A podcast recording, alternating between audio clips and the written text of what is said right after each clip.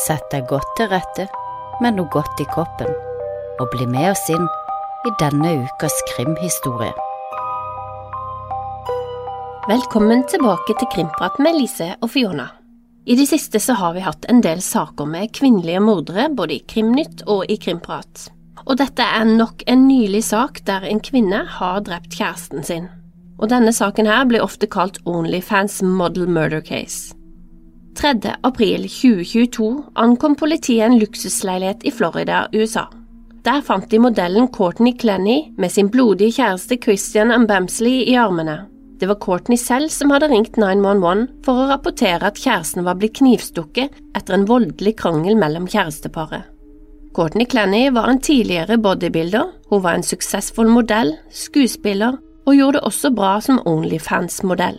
Courtney hadde over to millioner følgere på Instagram og hadde skapt seg en formue på å vise frem kroppen sin for sine fans. Courtney satsa på fitness og hadde også landa roller i musikkvideoer og reklamer. Courtney starta som statist i ulike filmer som 13-åring, og fikk etter hvert jobber i reklame som Pepsi og musikkvideoer som Me, Myself and I, og som mange andre satsa på Instagram. Etter hvert flytta Courtney fra Texas til LA, og Instagram-kontoen begynte å vokse. Courtney åpna også da en Onlyfans-konto, og tjente godt på å vise frem fitnesskroppen sin. Det ble sagt at hun tjente over tre millioner dollar på Onlyfans alene. I mars 2022 var Courtney gjest på et komedie-talkshow.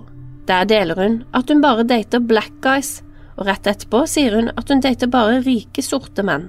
Hun innrømmer også at hun er en toxic kjæreste. Courtney gikk under navnet Courtney Taylor på sosiale medier.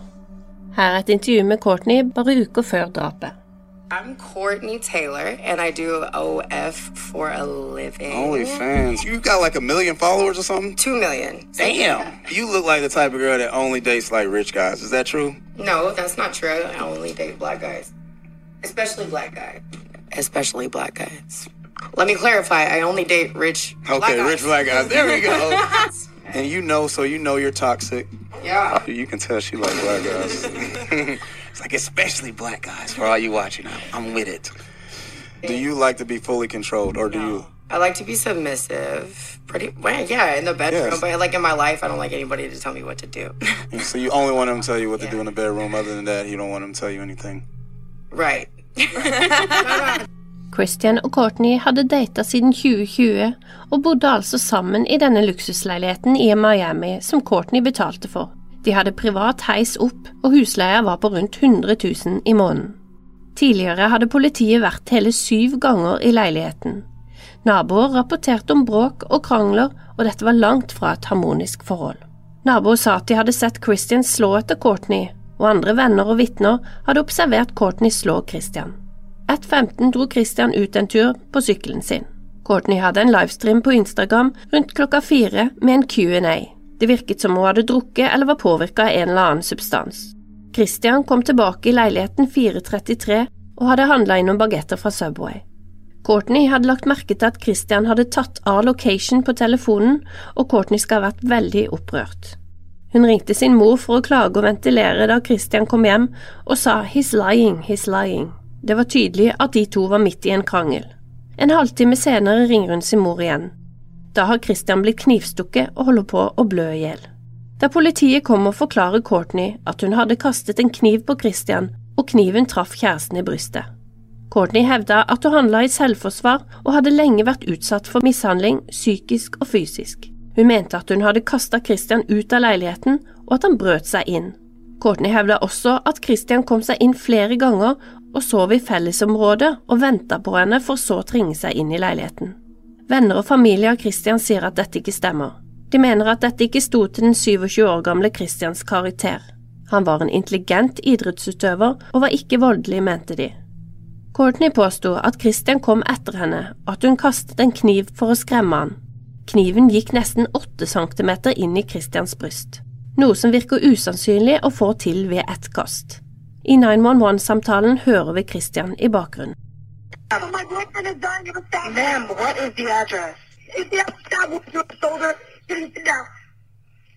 what do you mean he has a stab wound on his shoulder, ma'am? Yes, he's bleeding from it. You're gonna die, can't feel my arm. I can't feel my arm. I'm so sorry.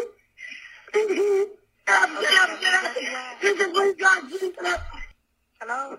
Bare fem dager etter drapet går Courtney viralt igjen. Men det var ikke hennes egen video som gikk viralt, det var en video av henne fra en bar. Courtney ble observert drikke i baren på et hotell sammen med faren sin, og en annen kunde tok opp telefonen og filmet henne. Courtney overførte også 1,5 million over til sin far sin konto, og brukte så mye hun klarte etter drapet. Faren sier at han ikke ante hvor pengene kom fra, og han visste ikke om noe Onlyfan-konto. Courtney ble arrestert fra et avrusningshjem i Florida, der hun var selvinnlagt. Etter arrestasjonen kom det også frem at hun lå etter med husleia, til tross for at hun hadde penger på kontoen. Courtney hadde flere historier med vold, en mot en kvinne og en mot en mann hun datet. Hun brakk også kjeven på en gift mann hun hadde et forhold med. Courtney hadde flere dommer på fyllekjøring, og det var tydelig at hun hadde både et sinne og et alkoholproblem. Courtney hadde vært utro flere ganger, og likevel var hun sykelig sjalu. Det kommer også frem videoer fra parets heis, der man ser Courtney slå løs på Christian. Det var tydelig at Courtney var den med makten i forholdet. Det var kun hennes navn som var oppført på leiligheten, og Christian jobbet for henne som hennes personlige assistent. Hun kjøpte dyre gaver til han etter voldelige hendelser. En gang hadde hun kastet ut alle klærne hans, og etterpå kjøpte hun en koffertsett fra Louis Vuitton til 10 000 dollar. Christian begynte å ta opp flere opptak under krangler, og man kan høre Courtney skrike av full hals. Don't touch me! What is going on? Like, what are you? Are you gonna get this mad at me when I'm apologizing to you? No, Christian. Like, you're thinking I'm doing it on Drop your ad, I'm drop not- your high pitch. Okay, I'm not doing it on purpose. You tell Sarah, you know well, the right thing to do is to tell me. yes, and I am so sorry. So shut up and let me slap you. You're not gonna slap me. Give me my phone. You have your phone. I don't have it anymore. What do you- Find it and charge it. Denne krangelen starta da Christian hadde sykla forbi en jente og sagt hei, og ikke sagt ifra om dette til Courtney. Åtte måneder før drapet ringer Courtney selv politiet. Da befinner Courtney og Christian seg på et hotell i Las Vegas, og en krangel har eskalert. Her hører du Courtney forklare seg. I decided to call because we were getting really loud. It wasn't because I was scared or anything. Did you throw a bottle at him or a glass at him? You say you've Well, done it yes. before. Yes. I don't feel that I should be getting arrested at all right now. Is this like a overnight ordeal? 12 hour hold. 12 hour hold? Okay, uh, there's a lot, a lot that that happened that I didn't say. Ved flere anledninger hadde Christian blitt kasta ut av leiligheten. Tekstmeldinger avslører også hvordan Christian tidligere havna på sykehus etter å ha blitt slått i hodet, og at han dekket over hendelsen for å skjerme Courtney. Etter å ha dratt på byen istedenfor å være med på sykehuset med Christian, sendte hun unnskyldende meldinger dagen etter for å vinne han tilbake. Det kommer også frem at han tidligere var blitt knivstukket i leggen og ved en annen anledning i ansiktet. Dagen før drapet ble politiet ringt av ansatte som jobba på frontdesken i leilighetskomplekset. Da hadde det vært en episode der Courtney nekta Christian å gå inn i heisen. Hun mente at de hadde slått opp og at Christian ikke ville forlate bygget. Hun sier at hun ønsker en restraining order, og politiet som møtte opp påpeker at Christian har eiendelene sine i leiligheten og kan derfor ikke bli kasta ut. Men Courtney mener likevel at hun kan kaste ut Christian siden det er hun som betaler hele leia. Ansatte i leilighetskomplekset forteller at de noen dager før sendte et brev om utkastelse, nettopp fordi det har vært så mange høylytte krangler. Her er et klipp fra politiets bodycam fra dagen før drapet. I'm, I'm scared. I'm scared of him. Her up to the apartment. Take her up to Her boyfriend comes charging towards her, and we actually try to get in, in the middle of it. You told me I was Time out, time out. Why do you have something against me, man? Like I'm just trying to like. What has anything against you? It seems like We're trying to talk. me. Okay, okay, leave the property, and you get back to your apartment. What else do you I, I need? was told I was going to get a chance to speak. Okay. Go ahead, go ahead. So I had a lot of opportunities to call y'all, and I did not. And uh, and I want him. Okay, the police are here. I want a restraining order against Christian and Roselli. We don't issue those. Because those no, I'm serious. Can I do that? Where can go I to court. Right now, like I have not always been a victim, but like right now, I'm a freaking victim in the situation. I'm scared to go down there to walk my dogs. I just walked in. Anyway, we just let them out. I'm, I'm scared. I'm scared of the to take her up to the apartment. Nå sitter Courtney i fengsel i Florida, og hun ble ikke løslatt mot kausjon. Courtney har sagt seg ikke skyldig, men har innrømmet at det var hun som drepte Christian. så var dette et selvforsvar, eller var det et kalkulert drap? Forsvaret mener man må se på hendelsen og ikke alle tekstmeldingene og opptaket. Aktor vil nok fokusere på at det er så å si umulig å kaste en kjøkkenkniv som trenger inn syv centimeter inn i et menneske. Klarer aktor å bevise at det ikke er mulig å drepe et menneske på denne måten, vil Courtney fremstå som en løgner og også skyldig i drap. Så spørsmålet er, ble Christian drept med et uhell eller i selvforsvar, eller var dette et overlagt drap? Her er Courtney i avhør. I'm on the floor, and heavy bed, and was me up. Um, I'm on the, uh, get my mom on the phone, and I'm just trying to remember. Hey, my mom on the phone, um, and I remember she was sitting like against the couch. Like we were like we were obviously it was a big deal at this point. Um, so this happened like over by the door, and somehow was like over in the living room. We were standing by uh, by the couch, facing toward the kitchen. I was in the kitchen, and then he just like I could see like all the whites in his eyes, and he was like like coming at me, and so I grabbed I grabbed one of these knives. My mom got me for Christmas. I grabbed one of them, and I was like, I swear, I swear to God, I swear to God.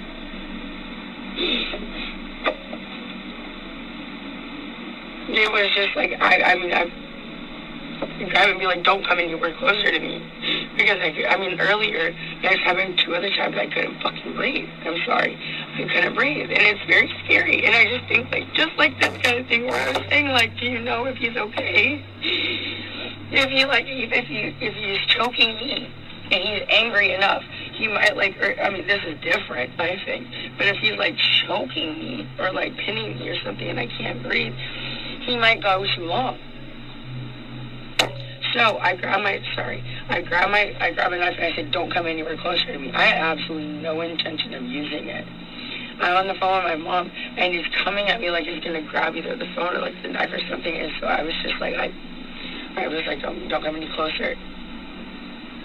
Coming at me, and I threw it. And I meant for it to go. How far away was he? For, well, I was by my fridge, and he was like by the edge of one of the chairs of the sofa. Um, Okay. like Comparing to what ten you- feet. I'm, I'm trying to think in my head. I'm trying to make the Was it closer than I am? no, further. Det blir spennende å se når rettssaken kommer opp, om Courtney blir trodd på at det var Christian som var den aggressive parten og trua Courtneys liv, slik at hun hadde all rett til å forsvare seg. Christians foreldre har saksøkt Courtney for wrongful death i et sivilt saksmål. De har også saksøkt eierne av bygningen de bodde i. De mener at noen burde ha grepet inn før den fatale hendelsen. I Krimpratdelen så vil vi diskutere denne saken, og kanskje du allerede har tenkt tanken, minner dette om en sak du har hørt det siste året? Jeg lar den henge litt i lufta, og så høres vi igjen i neste episode.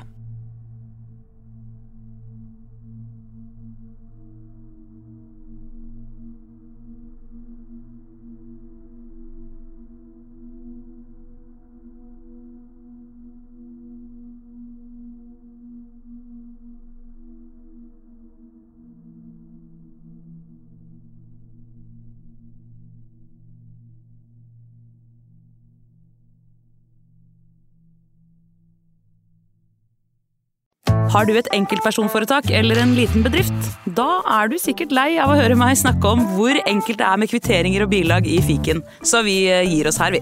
Fordi vi liker enkelt. Fiken superenkelt regnskap.